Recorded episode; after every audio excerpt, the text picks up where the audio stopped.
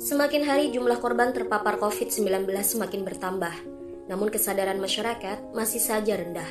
Padahal begitu mengerikannya virus ini mewabah, dan kita dianjurkan untuk tetap di rumah agar penularan virus ini bisa cepat dicegah.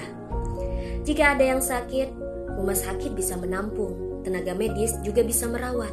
Tapi yang jadi masalah adalah bagaimana jika sakitnya barengan? Tentu tidak akan maksimal, kewalahan, dan akhirnya semakin banyak korban berjatuhan.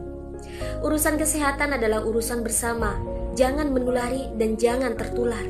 Jika para ahli telah menjelaskan, ulama memberikan fatwa arahan, dan pemerintah memberikan peringatan, maka cobalah taati aturan.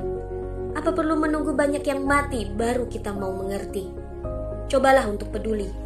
Bantulah tenaga medis yang sedang berjuang di lapangan dengan tetap di rumah, menjauhi kerumunan, dan jagalah kesehatan.